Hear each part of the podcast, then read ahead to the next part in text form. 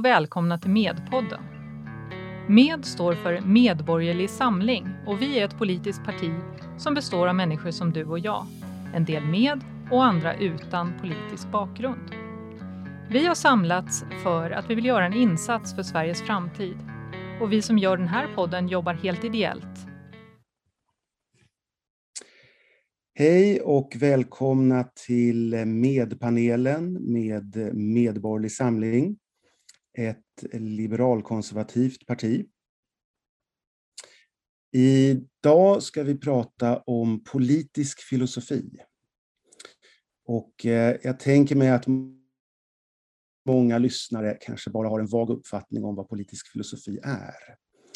Medborgerlig Samling har ju en politisk ideologi, eh, liberalkonservatism, och eh, har egentligen inte någon specifik politisk filosofi. Det brukar inte politiska partier ha.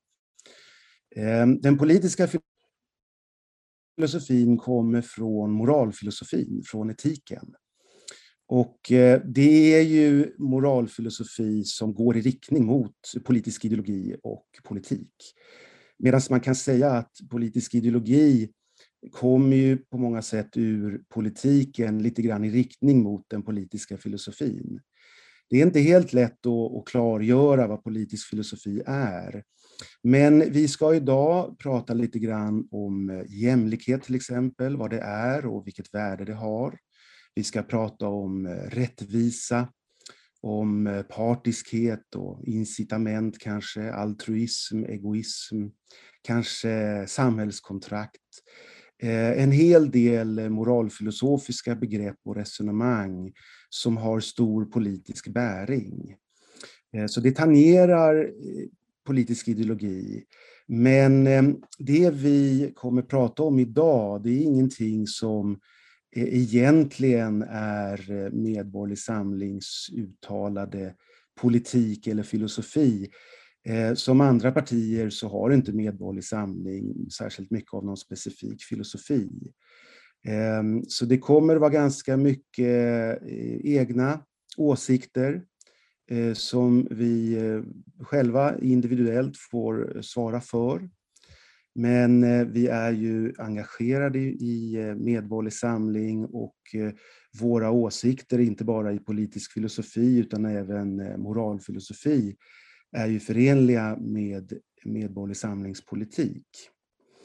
Det sista jag vill säga här, eh, det är att eh, man kan ju landa i ett politiskt partis politik från olika håll.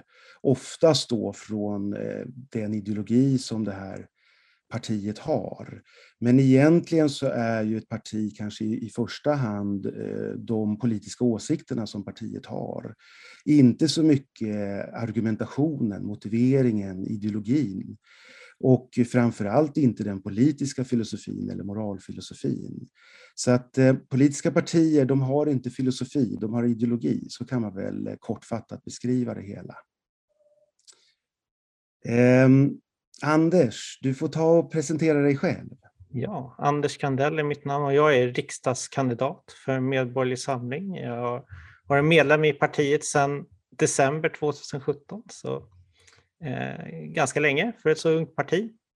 Eh, och kort om mig själv. Jag eh, jobbar idag som mjukvaruutvecklare, men jag har ju då en bakgrund som civilingenjör i teknisk fysik, men har även studerat då praktisk filosofi på Stockholms universitet. Eh, eh, och eh, även då lite när jag var på KTH då läste jag lite eh, etik. Eh, annars eh, så har jag ett stort intresse av moralfilosofi specifikt, men även vetenskap i allmänhet och ja, IT-teknologi det är väl min styrka, skulle man säga. Jag heter Tristan Tempest. Jag är också riksdagskandidat för Medborgerlig Samling. Framförallt så är jag partiets skolpolitiska talesperson. Och jag har arbetat som lärare i ungefär ett kvarts sekel. och undervisat lite olika ämnen, mycket matematik men också filosofi, logik och sånt. Eh, och mitt stora ämne på universitetet, ett, ett av många ämnen för mig, det var praktisk filosofi där jag har en examen eh, och där ingår politisk filosofi. Så det här är ganska mycket specialintresse för min del. Ehm, då sätter vi igång.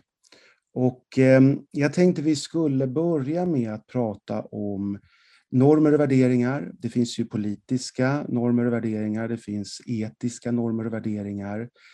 Men frågan är hur vi berättigar normer och värderingar. Var, var kommer de ifrån? Hur, hur ska man egentligen argumentera för eller emot normer och värderingar i grund och botten? Så jag är intresserad av det yttersta berättigandet för eh, etik och det är ju ett stort mysterium. Ehm, det är ju inte heller någonting som riktigt eh, diskuteras i det politiska samtalet idag. Eh, man försöker inte gå så djupt överhuvudtaget. Jag håller med. Och, och, en fråga som ibland diskuteras det är att när partier och politiker är oense i någon specifik fråga till exempel eh, kärnkraften i Sverige, så finns det en oenighet i riksdagen. Ehm, hur mycket beror den oenigheten på att de här politikerna och partierna har i grund och botten olika normer och värderingar som är oförenliga med varandra? Och hur mycket handlar det istället om att de uppfattar världen på olika sätt, att de har olika kunskaper och vissa kanske har fel för sig och är kanske felinformerade.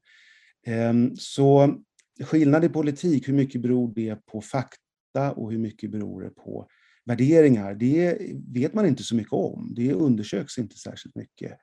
Men när man argumenterar i politik så är det inte särskilt svårt egentligen att argumentera i, i sak. Eh, rent faktuellt. Eh, det, det, går att, att ta reda på kunskaper i, i ämnet. Men hur man i princip ska argumentera när det gäller värderingar, det verkar politiker inte ha reflekterat över, trots att det är det de väldigt mycket sysslar med. Ja, eh, det är inga politiker i princip som pratar om liksom vad de har för normer och värderingar i grunden, eller vad är berättigade till dem? Eh, varför har de just de värderingar de har. Eh, det, det närmaste man skulle väl kunna komma, skulle jag säga, är eh, till viss del religiösa. Det finns en del religiösa formuleringar som i någon mening då härleder sina värderingar från en högre makt som de ser det. Eller någon helig bok, skrift. Ja, det behöver vi reda ut lite grann. Ehm, Medborgerlig Samling är ett väldigt sekulärt parti. Eh, bland våra medlemmar, en del framträdande medlemmar, så har vi ehm, eh, kristna personer aktiva, men de vill att Sverige ska vara sekulärt, att vi ska vara sekulariserade och vi har ju också en del ateister och så ehm, på ledande positioner i partiet. Och och det finns en enighet där om att vi ska vara sekulära. Det kan man väl inte riktigt säga om eh, Kristdemokraterna i riksdagen, heller inte Sverigedemokraterna och kanske ytterligare ett par partier.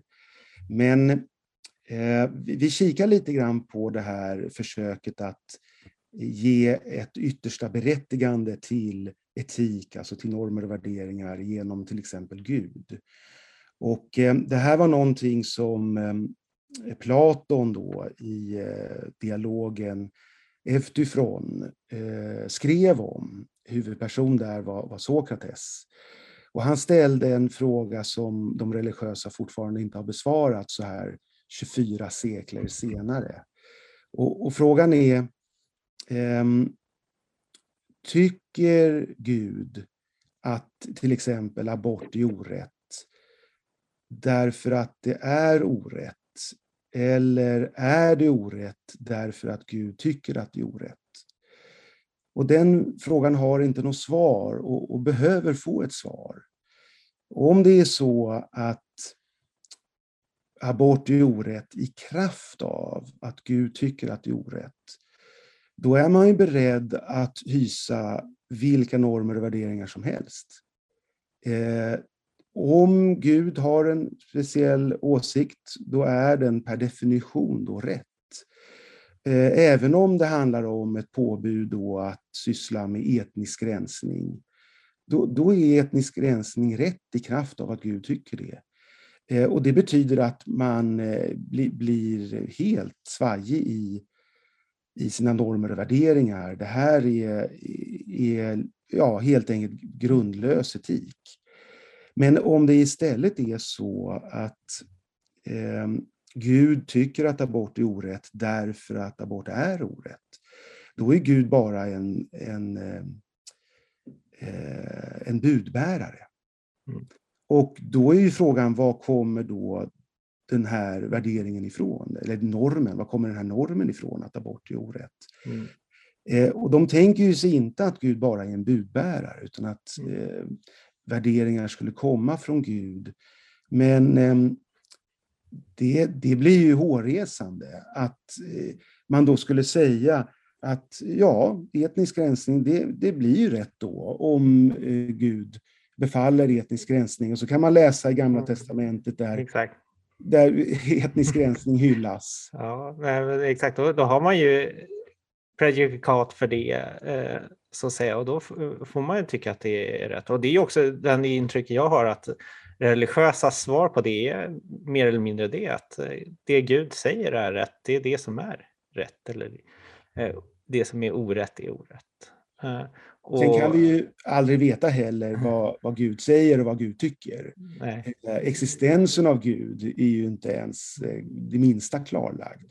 Eh, jag, jag, känner ju att det lutar åt, icke-existens. Men, eh, men om man ser på den andra liksom, möjligheten då när Gud skulle bara vara en budbärare, eh, då måste man ju försöka förstå på vilket sätt kan de här normerna och värderingarna existera i verkligheten. Fast vissa kanske säger att det finns någon slags superverklighet eller så, där de existerar. Men jag är ju ganska, vad säger man, naturalistisk av mig. Så att säga. Jag tenderar att det måste finnas några elementarpartiklar som i sådana fall utgör de här normerna och värderingarna. Ja, det här är ju en fråga om eh, etikens objektivitet. Mm. Ehm, det har väl blivit vanligare, eh, kanske i början på 1900-talet, för drygt ett sekel sedan, att tänka sig att etiken är subjektiv och eh, inte objektiv. Att det är ganska mycket eh, en fråga om tycke och smak egentligen. Eh, ungefär som många tänker sig estetik. Mm. Man tycker att den där biofilmen var bra, den här var dålig. Och det är ganska mycket en, en personligt tyckande så. Men när det gäller politik och etik så vill ju många eh, tänka sig en, liksom en fastare grund än att det bara är löst tyckande. Men den här fastare grunden har ju inte identifierats. Den har inte kunnat göras reda för. Ehm, så att det, det är ett stort eh, problem då i metaetiken, det här berättigandet. Och man tänker sig då berättigandet för objektiv etik, att den har någon form av objektiv giltighet. Och om etiken bara skulle vara subjektiv så skulle det här problemet och med eh, att berättiga den då inte vara så stort kanske, men då skulle vi få andra problem. Eh, för att vi vill ju ha ett samhälle som, som har lagar och, och, där lagarna eh, måste följas och annars så, så kan man ta till straff och liknande. Och frågan hur kan man eh, ha påtvingande lagar till exempel om man inte har någon objektiv grund för eh, sina värderingar. Så det, det, är ett knepigt område. Men jag hoppas att vi kan komma in på samhällskontraktet sen mm. mot slutet, för det kan nog vara en, en bra lösning på sådana problem. Men eh, jag tänkte läsa eh, ett citat som just berör det som Anders tog upp här. Det är från eh, Mackie Mackey i boken Ethics, Inventing Right and Wrong från 1977 och handlar just om det här med objektiv etik. hur skulle objektiv etik egentligen kunna existera? Det här är på engelska. If there were objective values, then they would be entities or qualities or relations of a very strange sort, utterly different from anything else in the universe. Correspondingly, if we were aware of them, it would have to be by some special faculty of moral perception or intuition, utterly different from our ordinary ways of knowing everything else. Och eh, jag tycker Mackie har rätt här. Ehm, att om man tänker sig objektiv etik som vi då ska kunna få kunskap om, den måste vara observerbar. Den måste vara härledbar. Och ehm, ingen har kunnat visa att någon etik skulle vara objektivt giltig. Ingen har observerat vad som är rätt och orätt. Eh, det, det verkar ju inte alls vara som vetenskapen som eh, vi kan eh, vara överens om om vi studerar evidensen. Det finns mm. evidens. Mm. Och det där är, kopplar jag även till liksom den här kända formuleringen av David Hume, Humes eh, lag. Om, eh, från ett är kan man aldrig härleda ett bör. Eller, han formulerar ju mer som att han satt och läste text och så helt plötsligt så var det, eller författaren skrev om hur verkligheten förhåller sig och sen helt plötsligt övergår det till en slags beskrivning av hur den bör vara eller hur man bör agera. Eh, och att det inte fanns någon rationalitet bakom den förflyttningen.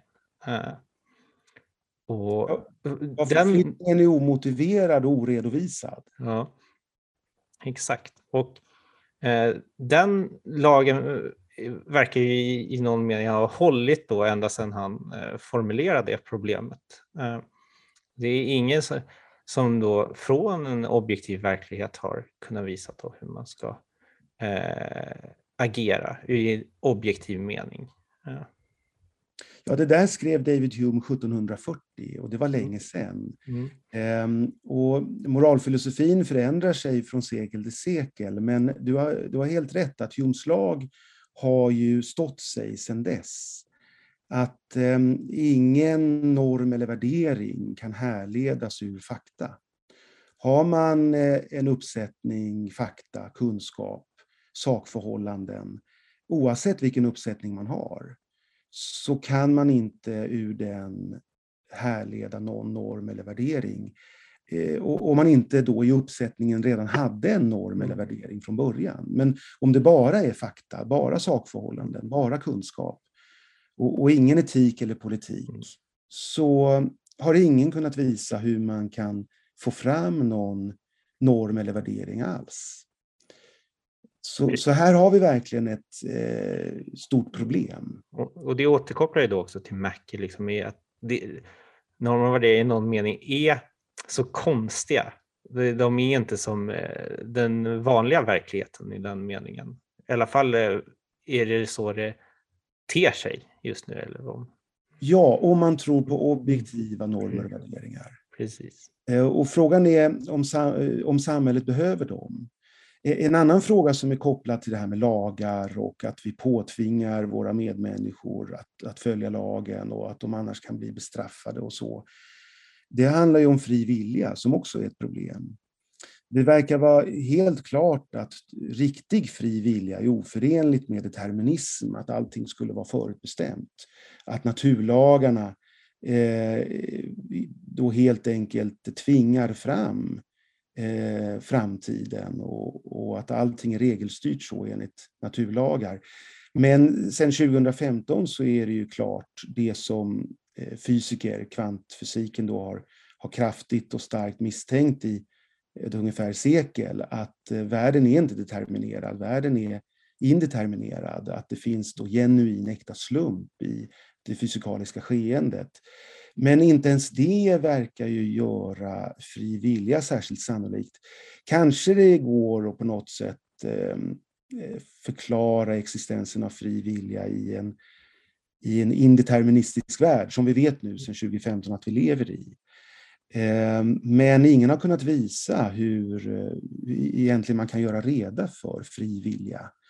Så mycket tyder på att, att vi inte har någon fri vilja och då blir det också problematiskt med lagen, mm. med, eh, med statsmakten över ett territorium med en befolkning, med ett våldsmonopol, med ett rättssystem. Ehm, så att hur vi ska motivera statens existens och, och samhällsbygget. Eh, och samhället är ju inte staten, men, men samhället är ju interaktion mellan människor. Eh, vi är ju sociala varelser. Eh, och politik handlar ju mycket om hur den här interaktionen ska ske, hur samarbetet ska ske. Och på vilka villkor. Och ja, fri vilja är ett problem där.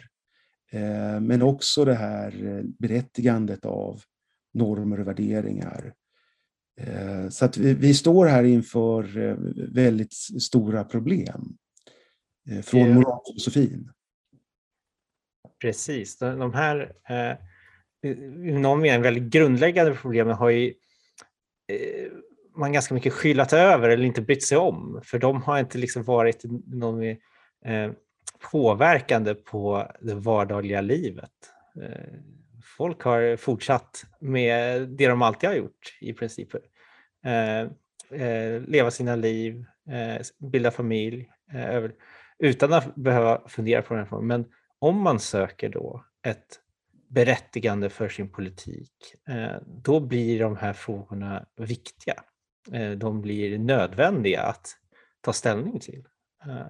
Och jag skulle inte säga att Medborgarsamling helt har, eller har tagit ställning i de här frågorna, men eh, det kan, om jag i alla fall vill se ett intellektuellt eh, eh, projekt som är värdigt ett modernt samhälle, då skulle jag säga att man kan ta sig an de här. Ja, verkligen. Men så länge moralfilosoferna inte har löst de här grundläggande problemen så är jag på ett sätt glad att politiken inte kommer ur etiken.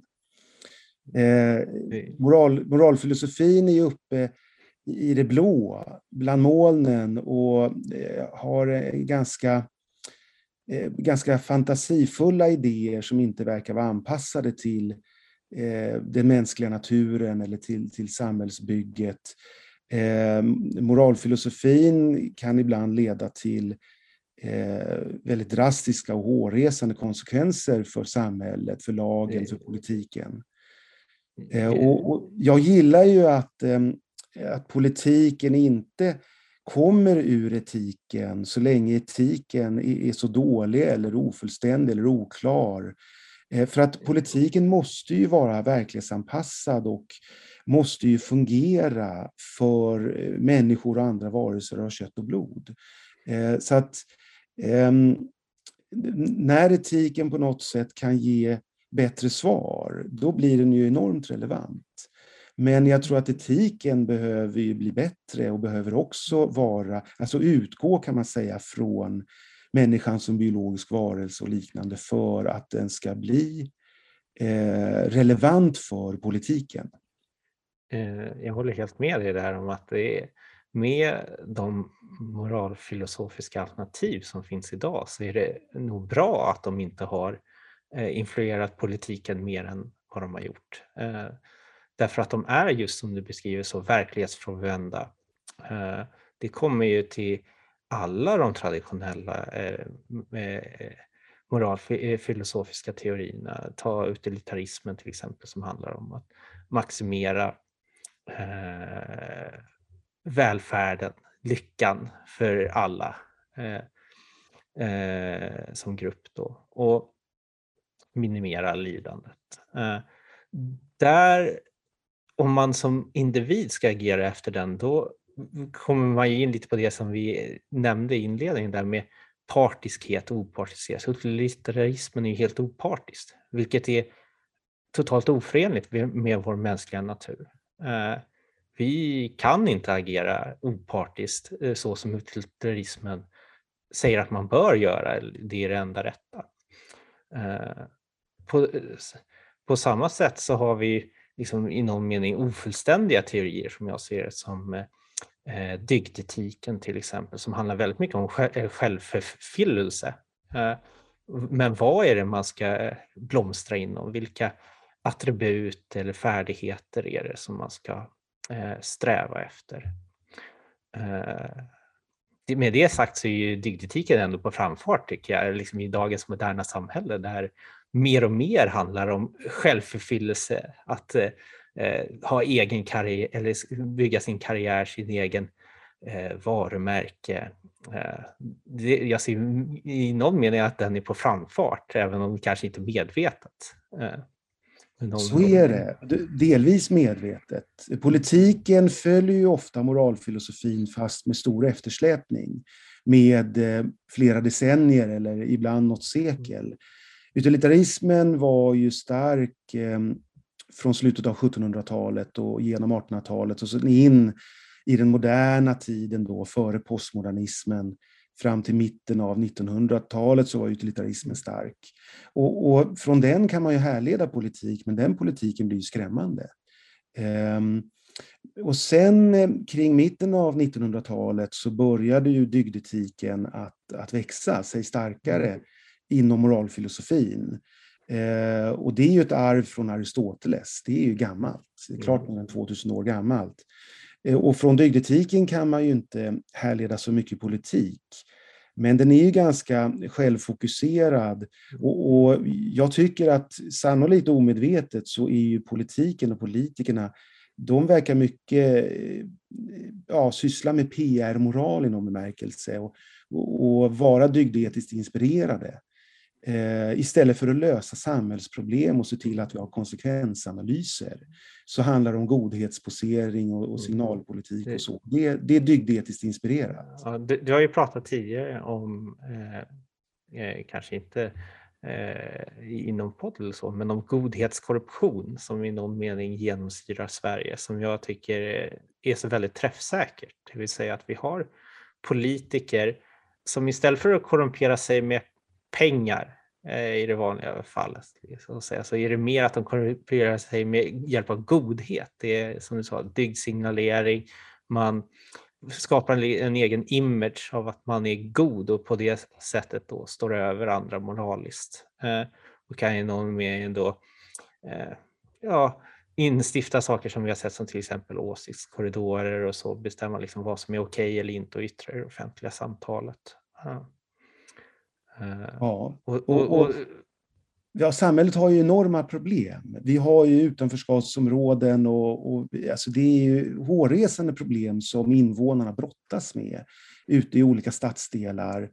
Och det här är ju delvis skapat av att politiker vill ha någon form av godhetsaura. Så de har då skapat en politik som leder till att det blir dåliga konsekvenser för samhället, landet, för invånarna. Men de har på något sätt då eh, fått eh, ja, en, en, högre moralisk status genom att de har då varit goda. Men godhet har då inte handlat om att eh, göra det bra för landet på något mer då utilitaristiskt eller nyttomoraliskt vis.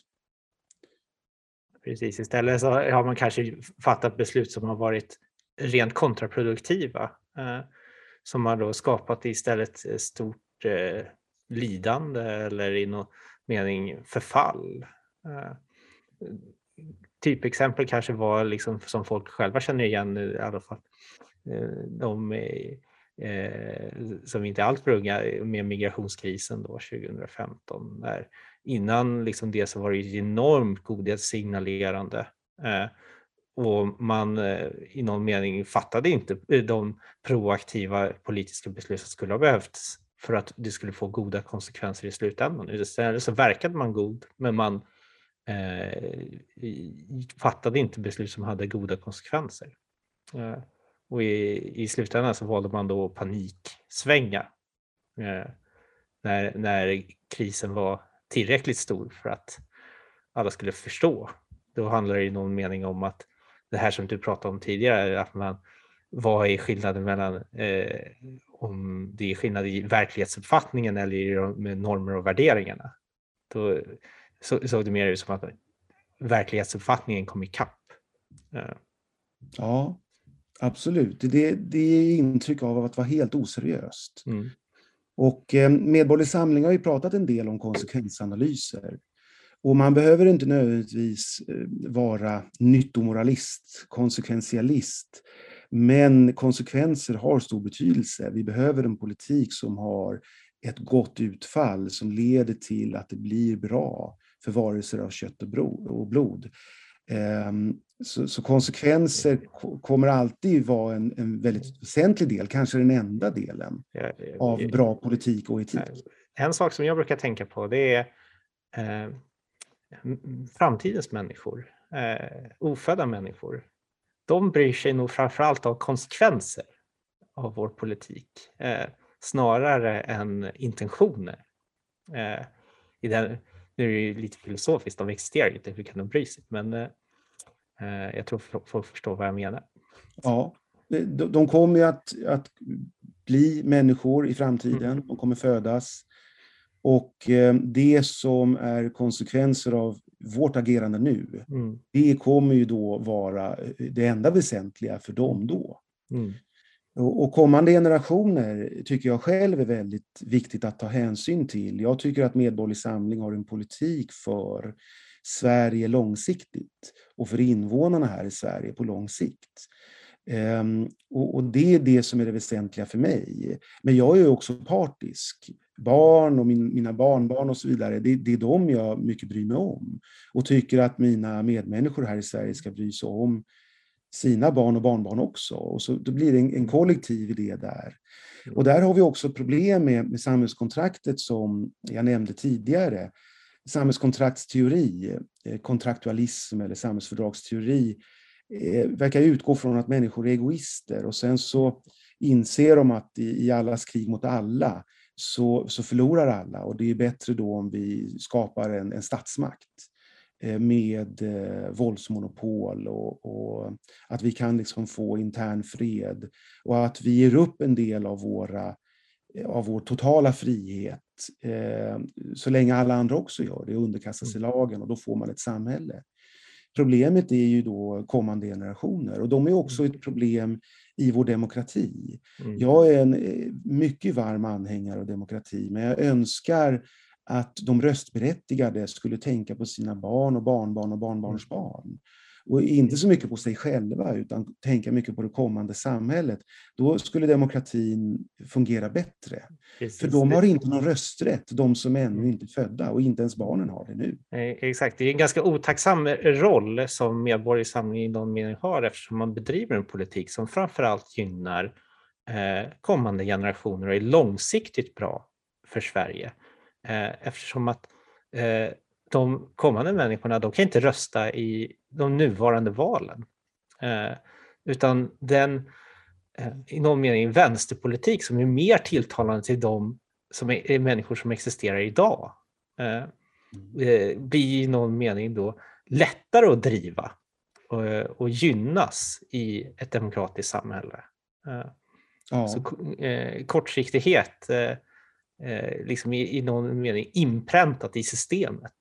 Eh, och då är, verkar det som att det, då som varma anhängare av demokrati, att det vi måste göra är att vi måste få folk att förstå att eh, långsiktighet och kommande generationer är otroligt viktiga. Att man bör lägga eh, styr, större tyngd på det än vad man gör idag. Eh, ja, mycket, mycket, större tyngd. Mm, ja. Eh, för mig är en avgörande politisk fråga, det är incitament. Mm. Vi människor är partiska, vi bryr oss om oss själva och våra egna barn och våra egna barnbarn.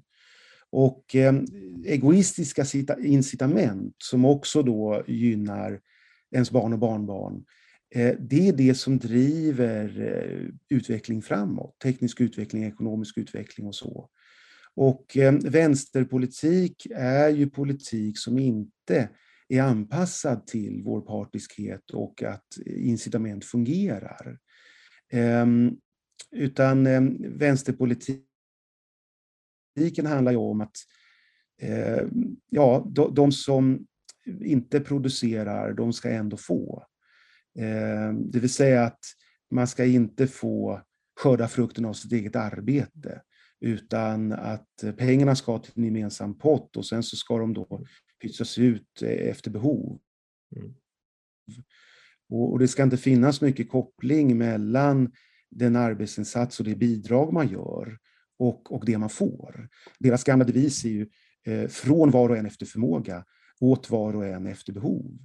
Eh, ungefär som att människor skulle jobba lika produktivt om de inte fick någonting för det, de inte fick någon lön. Och det här är någon form av gruppegoism hos mm. eh, samhällets utsatta eller arbetsoförmögna människor. Och de ska inte lämnas eh, vind för våg och i sticket. Men om man har en politik som är ekonomiskt till höger, som anammar just incitament, då får vi en växande kaka. Det gäller ju att ha en politik som gör att kakan blir så stor som möjligt, inte ha en mm. politik som fördelar kakan jämlikt. Mm. Därför att om kakan blir så stor som möjligt och vi får en tillväxt, mm. eh, så kommer ju de eh, kommande generationerna att gynnas av det. Och eh, jag menar, Väst och Östtyskland, eh, så länge det fick gå tillräckligt lång tid, och det gick ju flera decennier, mm så var det ju bättre att vara fattig i Västtyskland än att vara östtysk. Mm. Därför att eh, i Västtyskland fanns det ju stora klyftor, eh, ojämlikhet. Men Västtyskland blev ju bara rikare och rikare hela tiden, till skillnad från mm. Östtyskland. Och till slut så är det ju även så att de fattiga och arbetsoförmögna och andra, mm. de vinner ju också på högerpolitik, bara man väntar mm. tillräckligt länge. Mm.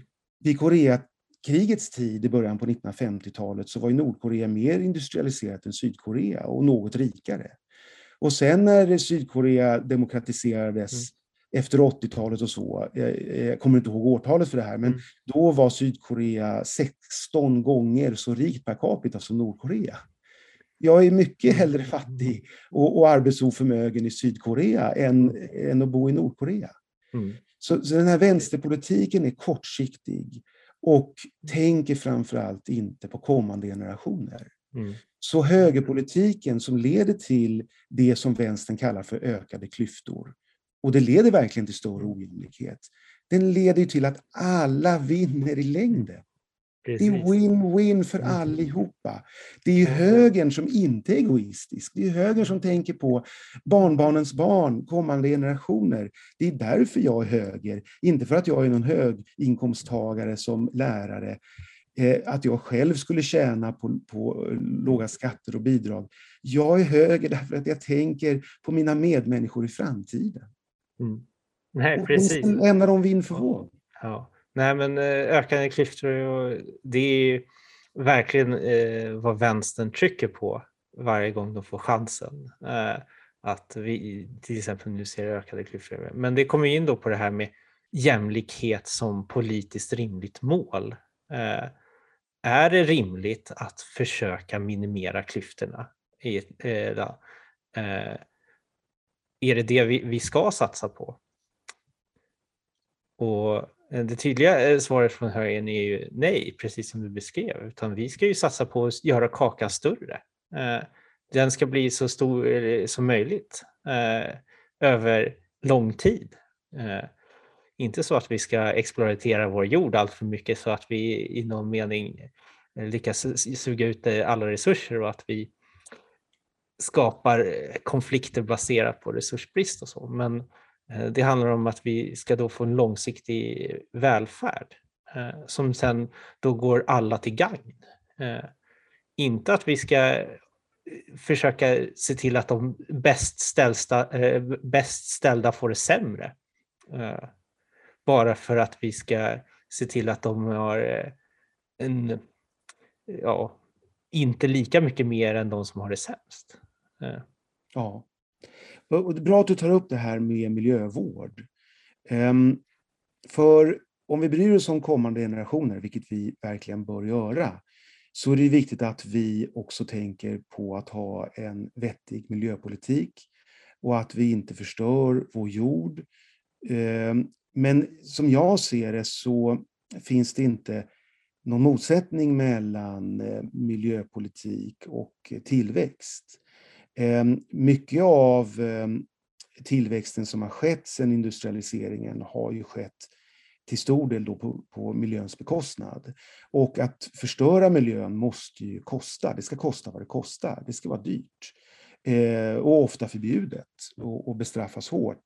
Så vi måste ju ha en, en, en ekonomisk politik och en politik överlag för eh, att verkligen måna om jorden. Men ökad produktivitet behöver ju inte ske. Mm på naturens bekostnad, utan genom mm. uppfinningar, genom ny naturvetenskap som leder till tillämpningar i form av ny teknik, mm. så bli, ökar ju produktiviteten. Mm. Och det är också de rika liberala västländerna ehm, eh, som har varit bäst på miljöpolitik. Mm. Eh, I Östeuropa, ockuperade av, av det kommunistiska Sovjetunionen, så var ju miljöhänsynen underordnade. Det var ju hårresande. Mm. Och det var mycket bättre i Västeuropa och andra västländer. Eh, så att vi behöver en ökad produktivitet som i grund och botten kommer mm. från eh, ny teknik. Mm. Eh, inte av att vi förstör jorden. Och vi behöver också investera i att eh, laga en del av det som vi har förstört. Och det kräver tillväxt. Vi mm. behöver bli så ofantligt rika eh, så att vi har råd med mm. en mycket omfattande miljöpolitik. Eh, så allting åt de kommande generationerna, här verkar vi vara mm. väldigt överens. Ja, eh. absolut. Och det är ju inte liksom en miljöpartistisk miljöpolitik som kommer att rädda miljön. Eh, det är ju det vi pratade om tidigare, om dygdsignalering och mer godhetssignalerande politik. Eh, där man ja, inför reformer som kanske till och med är negativa för miljön när man tänker på till exempel plastpåseskatten och så. Mm. Eller, annat, eller annat som bara liksom syns mycket i vardagen som det här med pappsugrör till exempel. Eh, som ja, det är, är vä väldigt irriterande som barnförälder. För man ser ja. inte om barnen lyckas dricka eller inte.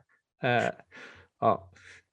Nej, och Miljöpartiets politik kring kärnkraft, mm. fossil förbränning och så, det är hårresande. Eh, vi behöver verkligen eh, behålla kärnkraft, vi borde inte ha lagt ner kärnkraften och vi behöver på sikt också bygga ut och eh, förbättra tekniken inom kärnkraft. Ehm, jag tänker mig att vi ska lite mer i detalj diskutera det här med jämlikhet som är vänsterns stora slagord. Och, och jämlikhet kan betyda lite olika saker, men i grund och botten handlar jämlikhet om att alla har det lika bra. Det, det är grundinnebörden. Sen vilka alla är, är det alla människor, alla invånare i Sverige, alla svenska medborgare, alla däggdjur? Eh, det, det, är ju en, en viktig diskussion. Men i grund och botten, alla bör ha det, alla ska ha det lika bra. Det, det är grundidén. Alltså jämlikhet i utfall. Eh, sen så kan ju jämlikhet betyda lite andra saker. Jag är en varm anhängare av jämställdhet som är jämlikhet mellan könen. Och det kan ju tolkas på lite olika sätt. Jag tolkar det inte då på socialistiskt kollektivt vis utan på individualistiskt liberalt vis. Att man helt enkelt inte ska behandla människor efter kön utan man ska behandla människor likadant. Ehm, och, sen om något kön då rent statistiskt skulle ha vissa eh, egenskaper som skiljer sig lite då från det andra könet rent statistiskt och då har en viss fördel i vissa sammanhang och så, då får det vara så. Man ska behandla människor eh, individuellt. Och en sån typ av jämlikhet är bra. Vi behöver till exempel likhet inför lagen. Det finns mycket jämlikhet som är bra, men inte jämlikhet i utfall, utan det handlar en del om att eh, invånare ska vara jämlikar inför staten. Eh, och där skulle man till och med kunna prata om människors lika värde. Att eh, det här med att mörda en, en medmänniska, det ska vara lika mycket ett mord oavsett vem det är man har mördat. På det sättet så ska människor vara lika värda. Mm. Sen så funkar ju inte människans lika värde då eh, i nyttomoraliska termer. För värdet är ju ett mått på hur bra någon eller något är och människor är olika bra. Mm. Ehm, så att eh, jag är, jag är inte helt mot jämlikhet. Det beror på eh, vad man menar. Men jämlikhet i utfall, det är det som är huvudinnebörden av jämlikhet. Och det är förödande. Jämlikhet i utfall, som jag ser om jag får formulera mig lite drastiskt, det innebär att alla svälter ihjäl. Mm. För jämlikhet i utfall innebär att man ska ha det lika bra oavsett eventuell arbetsinsats. Mm. Det blir inte mycket arbetsinsats där. Nej. Allt arbete blir då frivilligt och Precis. ingenting som gynnar en själv. Man tar ju bort hela incitamentsstrukturen med det när man eh, ska eh, ja, ska man säga, överstatligt eh, samla ihop alla resurser och fördela ut det. Det kommer ju tillbaka till med vänsterns slagord där med eh, till, till alla eh, efter, eh, alla efter förmåga till alla efter behov. Eh, Eh, ja, från var och en efter förmåga. Åt var och en eller till var och en mm. efter behov. Precis, tack. Och det, och det är en total katastrof. Ja. Det, det har ju också visat sig vara en total katastrof. Du gillar ju att kolla på västländer som föredömen. Och Eh, då kan man lika gärna kolla på en del länder som har anammat då extrem vänsterpolitik och sett det katastrofala utfallet som har drabbat de länderna. Du, vi pratade, eh, du nämnde Nordkorea till exempel jämfört med Sydkorea. Eh, och det, men ändå så ser man ju det här leta sig tillbaka i dagens samhälle med till exempel vad ska man säga, identitetspolitiken. Eh, där man eh, blir grupperad efter ens utseende, kön, sexuella läggning eh, och ska i någon mening antingen få fördel eller nackdel av det när det kommer till eh, få positioner inom jobb inom näringslivet, offentliga, universitet, statliga myndigheter. Det, så trots att vi har haft liksom hela den här historien så hittar den nya sätt, den här idéerna, att ge uttryck. Eh, och Medborgarsamling är vad jag vet det enda eh, partiet som eh, verkligen driver eh, ett, ska man säga, krig mot identitetspolitiken och, och att åter eh, införa inom, och stärka den på flera olika sätt. Eh, Bland annat eh, då genom bekämpning av identitetsmord men också liksom eh, tjänstemannaansvar eh, inom det offentliga då, och förvaltningsdomstol så att man kan hålla folk ansvariga för sina misslyckanden. Ja. Så vi är de enda som verkligen försvarar den, den klassiska liberala demokratin med meritokrati och, och där vi är emot kvotering eh, och att behandla människor efter grupptillhörighet. Eh, och, och, det är ju en form av rasism att behandla olika eh, folkgrupper och liknande utifrån eh, kollektiva egenskaper. Vi ska ju behandla människor individuellt. Mm. Och vänstern då som blev desillusionerad eh, efter Sovjets fall, då i början på 90-talet, de eh, liksom gick in i postmodernismen och det blev identitetspolitik. Och det är ju lika skrämmande som deras vurm för planekonomi och, och, och jämlikhet var tidigare. Eh, och att de andra borgerliga partierna inte står upp mot identitetspolitiken som är mm. kollektivismen i, i en riktigt vidrig tappning i, i retur istället för att stå upp för individen och individualismen och liberalismen. Eh, det, är märkligt att de andra borgerliga partierna eh, låter sig luras där, lämna walkover. Eh, Men... de, har inte förstått liksom, vad, det liberala samhället och demokratin mm. bygger på. Nej, men det, det märker vi också liksom, idag med till exempel Annie Lööfs uttalande i samband med koranbränningarna och så, att hon verkar kunna tumma då på de liberala kärnprinciperna med yttrandefrihet till exempel. Eh, och, och, vad man har sett tycker jag, eh, nu har inte jag levt så länge, men eh, historiskt i Sverige så har ju högern, borgerligheten, gett upp lämnat över territorium mycket till vänstern, där vänstern har fått ta över begrepp som till exempel då rättvisa och i någon mån också fått identifiera eh, sig själva som goda medan eh, högern då har varit lite liksom de, eh, onda i någon mening.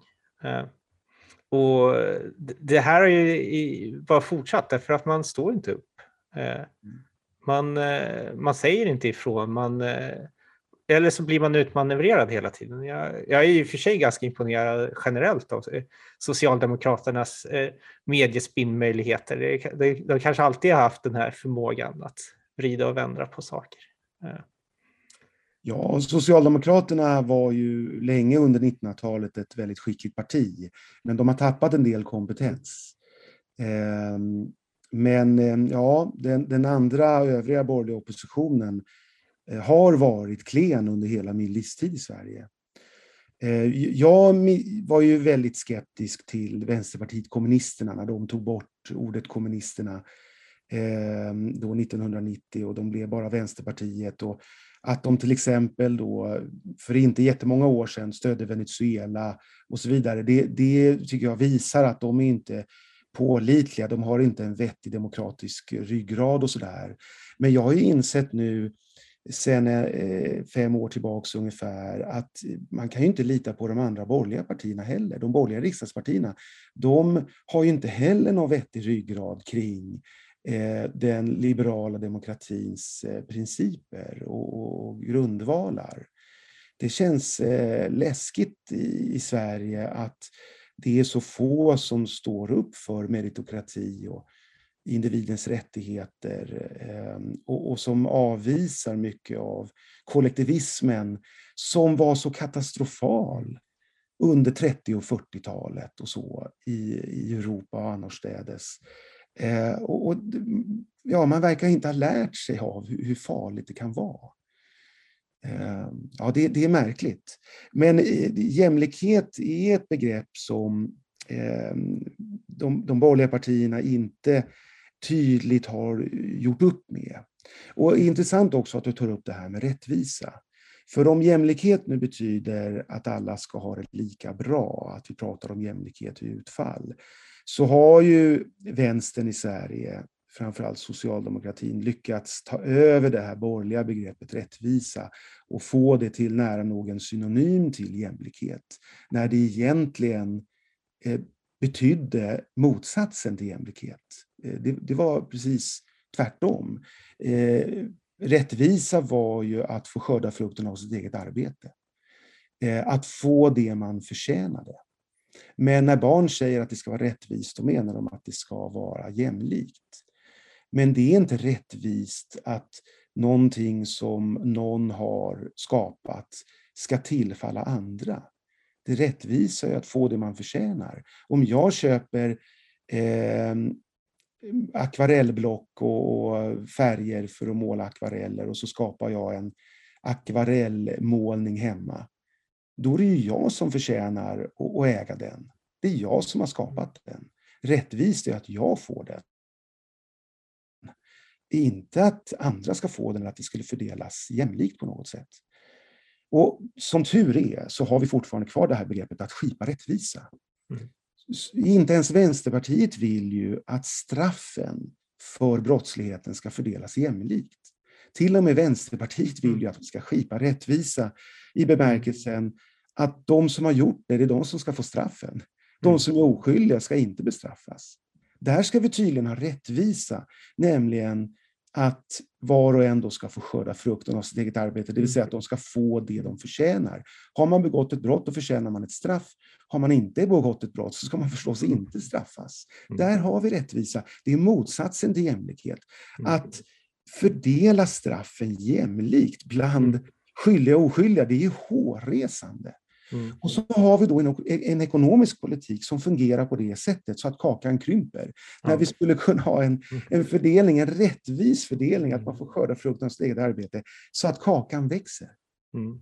Nej, istället så har vi då den ordningen att eh, vi har en ständigt växande stat eh, som eh, i någon mening då har mer och mer resurser som de tar från hårt arbetande människor eh, som då blir av med någonting som rättvist hade varit deras. Eh, och producerar i någon mening mindre. Alltså om man jämför statens eh, produktion med näringslivets utveckling, eller det, det privata, så har den privata eh, liksom, de senaste decennierna eh, produktionen har ökat explosionsartat, något enormt. Men hur mycket mer har staten, vad staten kan producera i, i Sverige ökat? I någon mening så tycker jag att det verkar ha minskat. Vi har sämre trygghet, vi har sämre sjukvård, vi har sämre skola. Trots att statens resurser är flera gånger mer. Mm. Uh, Nej, det är ineffektivt med eh, en hel del påtvingade kollektiva lösningar, statliga lösningar. Och vinstintresset är ju så vackert. Mm. Det här partiska vinstintresset, det är det som leder framåt, det är det som leder till ökad produktivitet och tillväxt. Det är ju marknadsekonomin och kapitalismen som har byggt tak över huvudet på folk, för folket och satt mat på bordet för folket. Det är inte socialismen som har gjort det. Nej, den här jämlikheten är, är farlig. Vi behöver ett, mm. ett rättvist samhälle. Eh, vi behöver ett rättfärdigt samhälle. Men Medborgerlig Samling är inte ett eh, libertarianskt parti. Medborgerlig Samling nöjer sig inte med en statsmakt som är en nattväktarstat som bara sysslar med rättsväsendet, inklusive polisen och Försvarsmakten. Utan Medborgerlig Samling vill ju ha viss omfördelning i samhället. Det finns en del arbetsoförmögna människor. Vi är ju inte som libertarianer, eh, extremliberala, klassiskt liberala eller nyliberala eller vad man ska kalla dem, som mer eller mindre tänker sig att arbetsoförmögna människor, om inte de får frivilliga allmosor mm. från rika människor, då får de svälta ihjäl. Ehm, så vi behöver absolut ta hand om eh, alla människor i samhället, men inte alls på det sättet som Socialdemokraterna har genomfört och förlamat civilsamhället mm. på i Sverige i ett sekel. Ehm, och med hjälp av eh, frivillighet och eh, privata initiativ och så, så kommer man långt. Men ehm, staten behöver syssla till viss del med omfördelning, framför allt under överskådlig tid, men längre fram förhoppningsvis då i mindre utsträckning, men aldrig noll. Dessutom tycker Medborgerlig Samling att sjukvård och utbildning och en hel del annat är kärnverksamhet för den mm. offentliga sektorn, för staten och regioner och kommuner.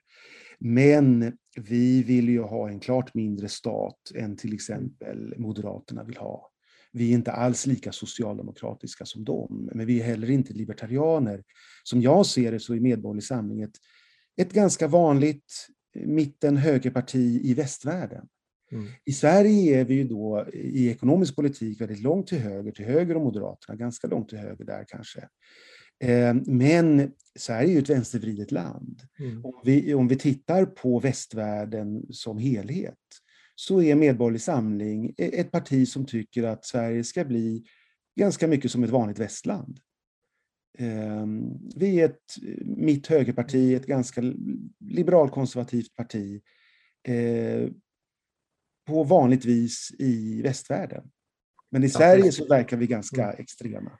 Ja, i Sverige vi, vi är extrema skulle jag säga, inte bara verkar. Utan vi, även om vi säger att vi är liberalkonservativa så är det ju så att vi kanske vill förändra det svenska samhället mer än eh, något annat parti, i alla fall riksdagspartierna. Ja. Eh, och eh, precis som eh, du var inne på där om libertarianismen, alltså vi är ju inte det därför att vi inser ju i någon mening att människor behöver frihet men de behöver också trygghet. Alltså trygghet blir i någon mening en förutsättning för frihet. Eh, och att eh, vi eh, måste kunna ge människor liksom som en del av vårt samhälle den tryggheten, den vägledningen som behövs för att kunna bli en produktiv medlem av gruppen. Ja, sjukvård, utbildning, grundtrygghet, absolut. Vi är flockdjur i grund och botten. Eh, vi är sociala varelser och eh, en del eh, ojämlikhet i utfall sticker i ögonen. Och om vi kikar på hur andra primater, schimpanser kanske, fungerar i, i moraliska sammanhang, i experiment, så ser vi att det finns inte bara instinkter av rättvisa utan även instinkter av jämlikhet. Och, och de bör vi ta hänsyn till.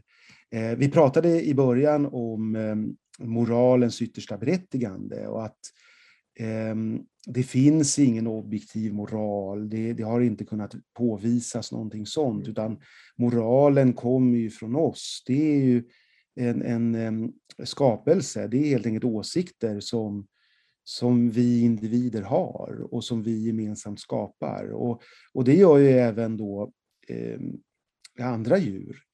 Eh, det, det, det, har en biologisk grund kan man säga.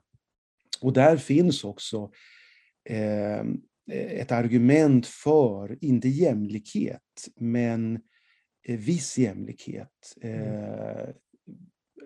Alltså inte fullständig ojämlikhet. Mm. Och, och, faktum är ju att våra vänsterpartier, Socialdemokraterna till exempel, de pratade ju hundra år om planekonomi, eller hade i alla fall det i sitt mm. partiprogram, från eh, att de grundades 1889 till, till 1989 eh, när de tog bort det. Men i praktiken så insåg ju de ett halvt sekel tidigare att det här med jämlikhet inte är något bra. De ville ha mer jämlikhet. De har, har gått i, i den riktningen, eh, att vi ska ha ett mer orättfärdigt och mindre rättvist samhälle. Eh, men någon fullständig jämlikhet, det insåg de ganska tidigt, det är en katastrof. Eh, de hade från början de kommunistiska målen med andra medel, det vill säga det skulle vara mm. demokratiskt och reformärt och inte eh, diktatoriskt och, revolutionärt. Men ehm, de vill inte ha jämlikhet, vänsterpartierna. De inser att det, det är en katastrof. Eh, men det är också illa att gå maximalt långt åt andra hållet och säga att all skatt är stöld och att vi ska ha någon form av anarkistiskt eller libertarianskt samhälle. Utan vi behöver ett samhälle som är jämlikare än så. Mm. Eh, och vilken kompromiss ska vi då ha? Jo, den som funkar bäst i längden. Mm. Vi behöver bygga upp ett samhälle som ger bästa möjliga förutsättningar för kommande människor. Och, och det är alltid en kompromiss mellan eh, olika principer och idéer. Eh, de här eh, ja, etiken, moralfilosofin och även politiska ideologierna, de, de grundläggande, eh, de är för renodlade och extrema och vi behöver mm. se till verkligheten och hitta någonting som fungerar. Och det är inte eh, det socialdemokratiska Sverige som fungerar.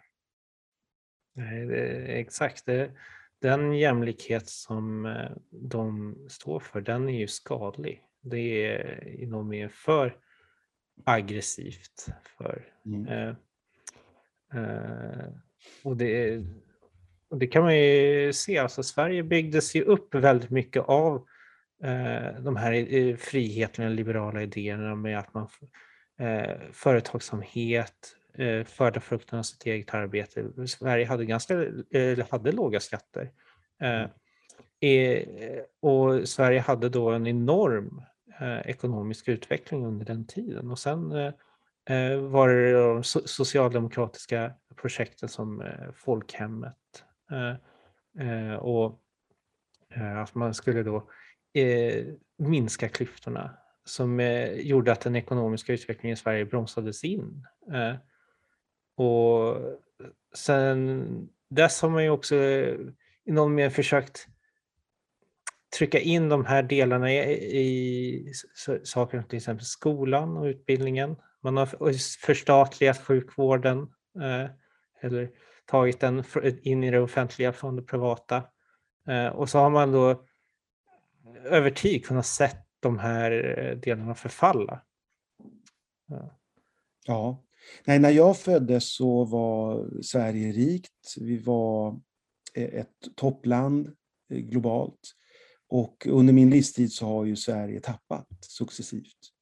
Och en del länder som låg ganska långt efter Sverige har gått om Sverige genom lågskattepolitik som Irland till exempel.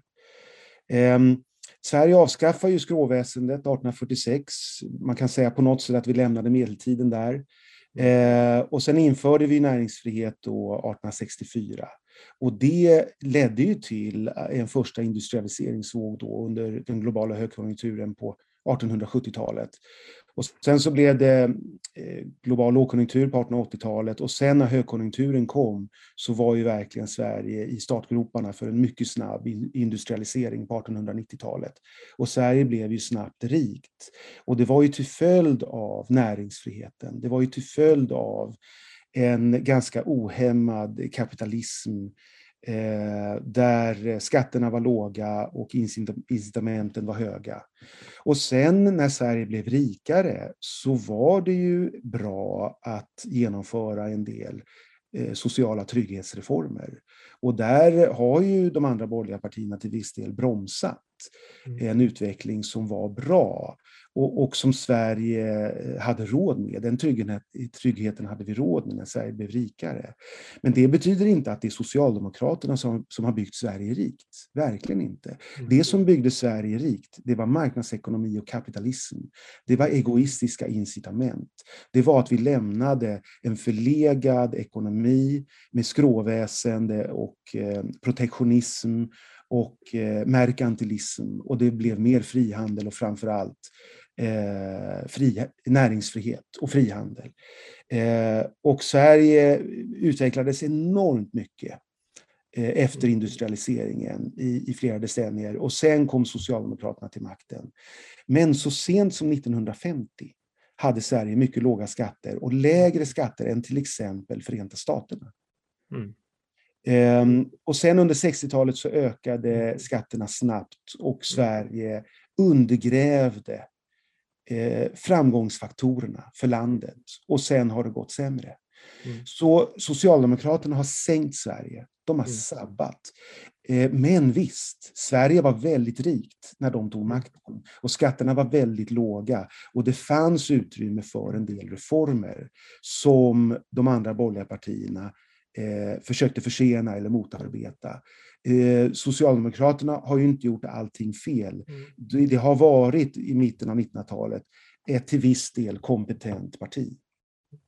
Nej, men och där har vi också det här med hur de borgerliga partierna har eh, retirerat, gett mark när det kommer till till exempel historieskrivningen över hur Sverige har eh, byggts upp, hur eh, eh, vad det var som gjorde att Sverige blev ett av de bästa länderna i världen.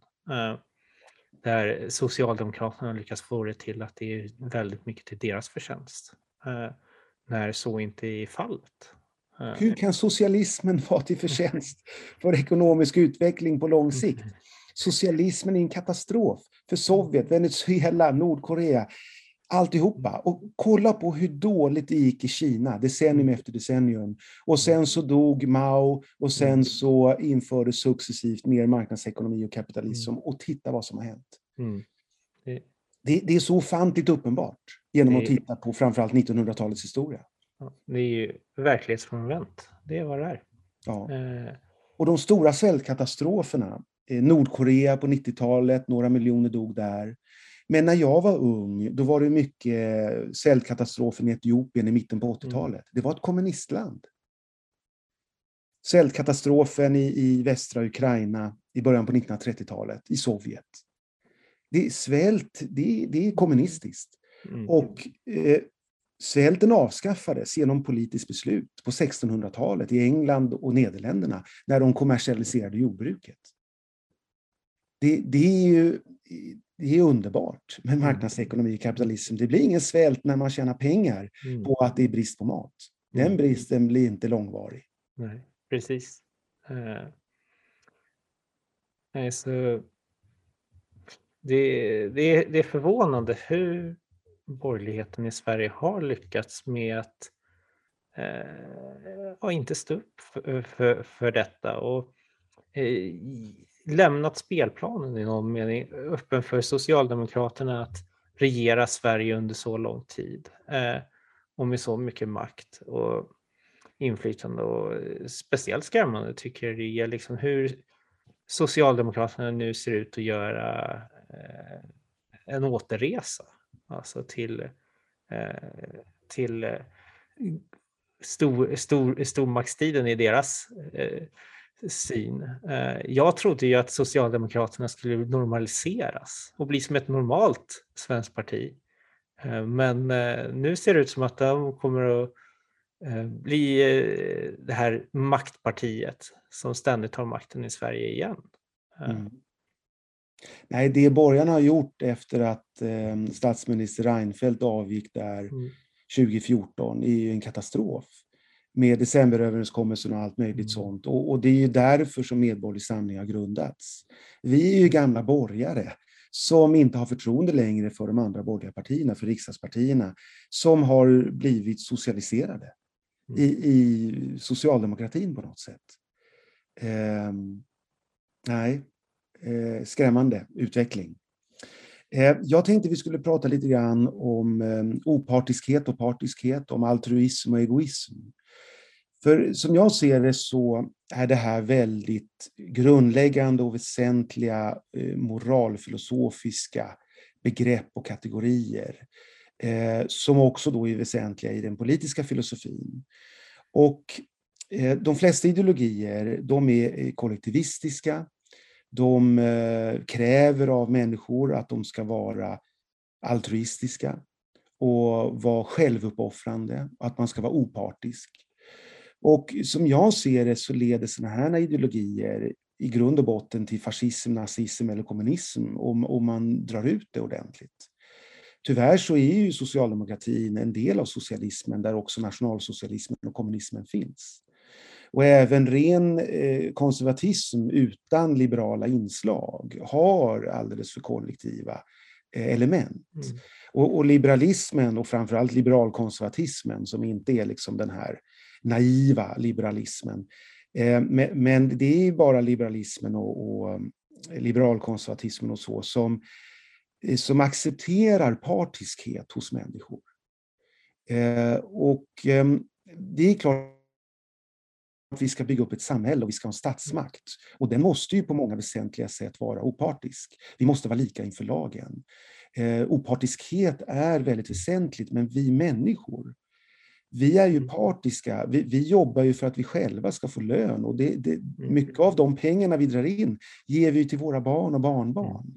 Det finns en partiskhet hos människan som man inte kan låtsas som att den inte finns där. Det är den som ger incitamenten, eh, som gör att kapitalism och marknadsekonomi fungerar så bra. Och jag tycker att eh, även andra borgerliga partier i grund och botten har någon form av utopiska idéer som är kollektivistiskt eh, formulerade på många mm. sätt. Och mm. de erkänner inte eh, att det finns någonting bra med egoism. De erkänner inte att den här partiskheten är legitim. Mm. Nej, men exakt. Det du var inne på där med staten som opartisk mellan invånarna och individerna i, inom staten. Det eh, tror jag att ändå att de flesta är överens om, liksom lika inför lagen och så. Eh, men det finns ju ändå en partiskhet kanske mot andra stater, med, eh, eh medborgare i andra eh, nationer. Och, men även där tycker jag att man har varit väldigt otydlig i Sverige. Liksom man pratar ju om alla människors lika värde till exempel. Då gör, verkar man inte göra någon distinktion mellan medborgare i Sverige eller inte. Och då är staten i någon mening opartisk mellan dem. Eh, och eh, det kanske var speciellt tydligt då under migrationskrisen då 2015 att då var det mycket eh, så här att alla är välkomna till att bosätta sig i Sverige. Vi har oändliga eh, landytor där folk kan smälla upp hus och skapa ett liv. Eh, i de mening då så stod man för, eh, politikerna för en väldigt opartisk syn från staten där statens uppgift är inte något speciellt att gynna medborgarna i landet. Och där har ju Medborgarsamlingen en helt annan syn, att vi vill ju uppgradera medborgarskapet. Vi vill att staten i någon mening ska vara väldigt partisk mot sina, eh, eh, sina medborgare och att, att ha ett, inneha ett medborgarskap i Sverige är någonting värdefullt. Eh, någonting som ska ge privilegier, eh, någonting som ska vara eftersträvansvärt för folk eh, i, som är eh, medborgare i andra stater att kanske vilja bli del av vår, men då ska man få jobba för det. Ja, så, så, staten ska ju vara partisk mellan svenska medborgare mm. och människor som inte är svenska medborgare. Men mellan de svenska medborgarna så ska det i stor utsträckning finnas en opartiskhet när det gäller mycket av eh, tillämpningen av lagen, men även när det gäller sjukvård till exempel. Men den här idén då om alla människors lika värde i en tolkning innebär ju då att alla människor är lika bra och värdefulla. Och eh, om vi då satsar en eh, sjukvårdsmiljard här i Sverige, vi, vi satsar en miljard kronor på att investera i, i sjukvården och betala löner till läkare och sjuksköterskor och så vidare, då är det helt, helt idiotiskt. Därför att om vi skickar pengar istället till Angola och andra länder så kan ju en sån sjukvårdsmiljard göra mycket mer. I Sverige så kan vi bara lite grann förbättra spädbarnsdödligheten, minska den alltså lite, lite grann, för den är redan väldigt låg. Men genom att satsa de här pengarna i Angola och många andra länder så skulle vi kunna få ganska stor förbättring av spädbarnsdödligheten och minska den ganska mycket. Varför ska vi inte göra det då enligt Vänsterpartiet? Varför vill de satsa så mycket på offentlig sektor här i Sverige? De mm. tror ju inte riktigt på alla människors lika värde i den bemärkelsen. Men det snackas så mycket. Eh, men egentligen så förstår ju de också att vi behöver en balans här mellan partiskhet och opartiskhet. Och även vänsterpartister är ju partiska för svenskar. Men låtsas som att de inte är det genom att satsa en procent på eh, bistånd som går mycket i, i sjön och blir kontraproduktivt och blir skattepengar till korruption och annat. Mm.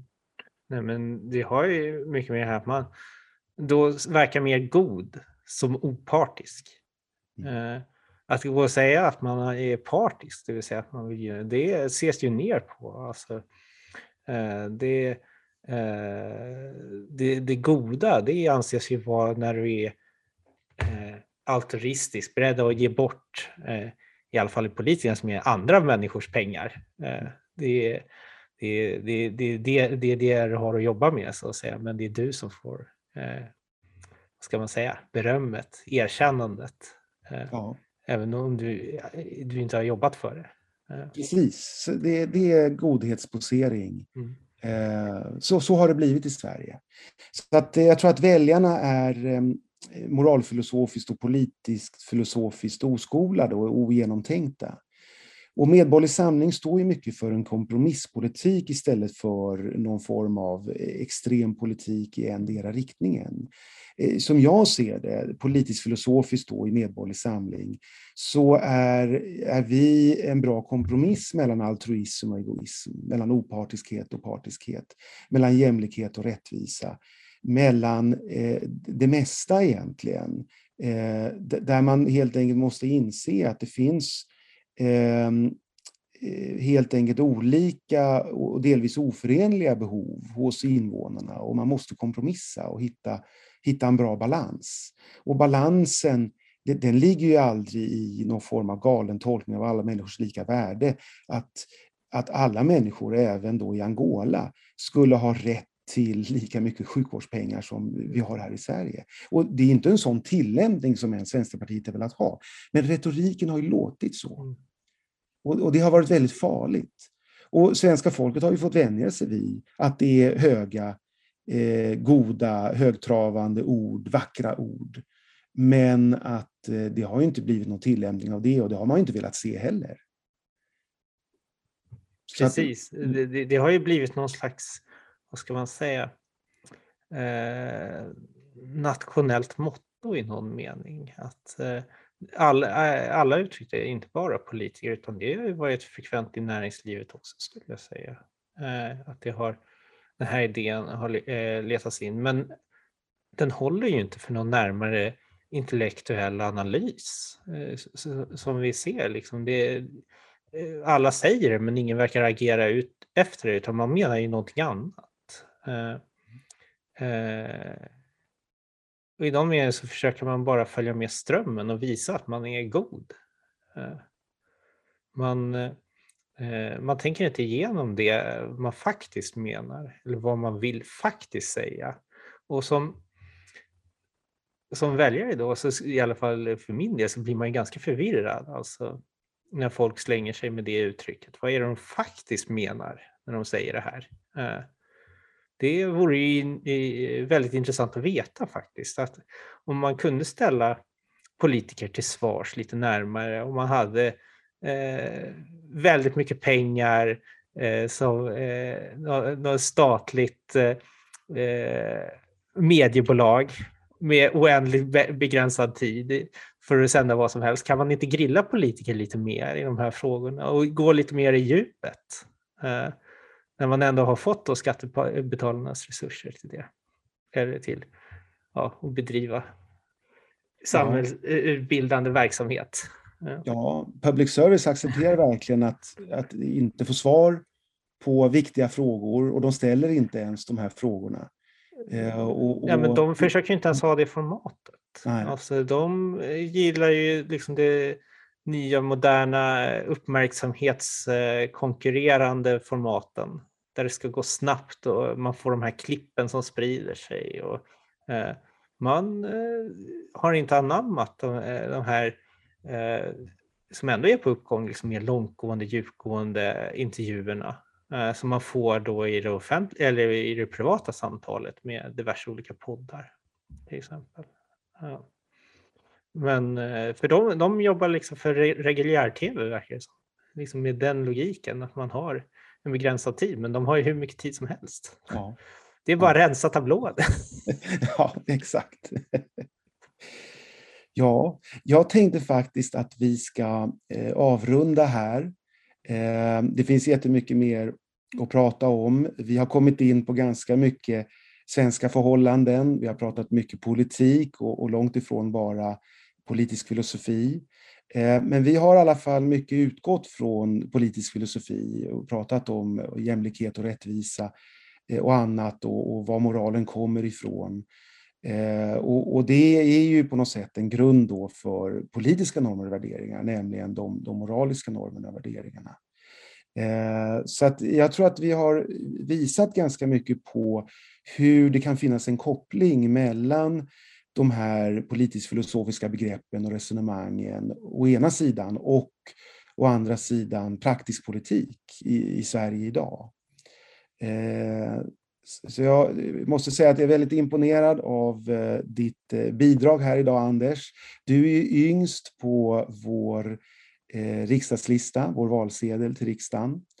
Eh, och ehm, Medborgerlig Samling är ju ett meritokratiskt parti. Vi vill ha kandidater med djupa insikter och omfattande kunskaper och framför allt mycket yrkes och arbetslivserfarenhet. Eh, och jag måste säga att du som representant för de unga i partiet eh, visar en enorm klokhet här. Det har varit jätteroligt att diskutera detta. Eh, så jag, jag, känner verkligen att även en, en, ung person som du, runt 30, kan verkligen liksom uppfylla eh, kraven i en meritokrati. Tack så mycket Tristan, det har varit jättekul att få prata med och jag vill tacka alla lyssnare. Ja, ja jag med. Eh, det har varit roligt att få prova någonting lite nytt, att gå eh, från politisk ideologi lite mer in i filosofiska frågor. Och eh, när jag läste det idéprogram som Medborgerlig Samling eh, hade eh, så var det framförallt det som lockade in mig i partiet. Eh, och partiet har eh, en enorm, eh, ett enormt driv, en enorm go. Det är mycket arbetsglädje och entusiasm i partiet. Men ehm, det, det, är också väldigt mycket eh, intellektuell klokhet.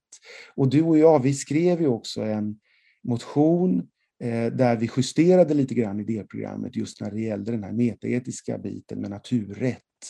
eh, som, som är en väldigt märklig syn då på naturen. Eh, när naturen är nog bara elementarpartiklar och sånt.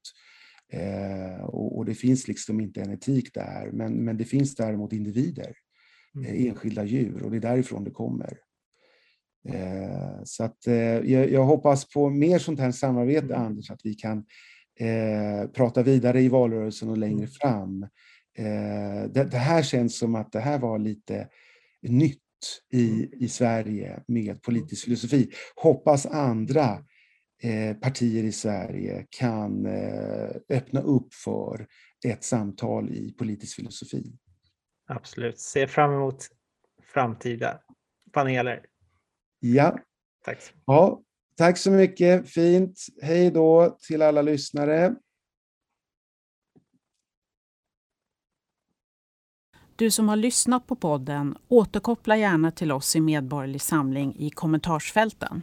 Du har nu lyssnat på Medpodden, en podcast från Medborgerlig Samling.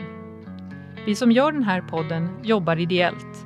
Och om du vill stödja Medpodden får du gärna göra det via swishnummer 123 094 0197. 123 094 0197. Pengarna går till produktionskostnader för den här podden och andra mediaproduktioner som vi gör.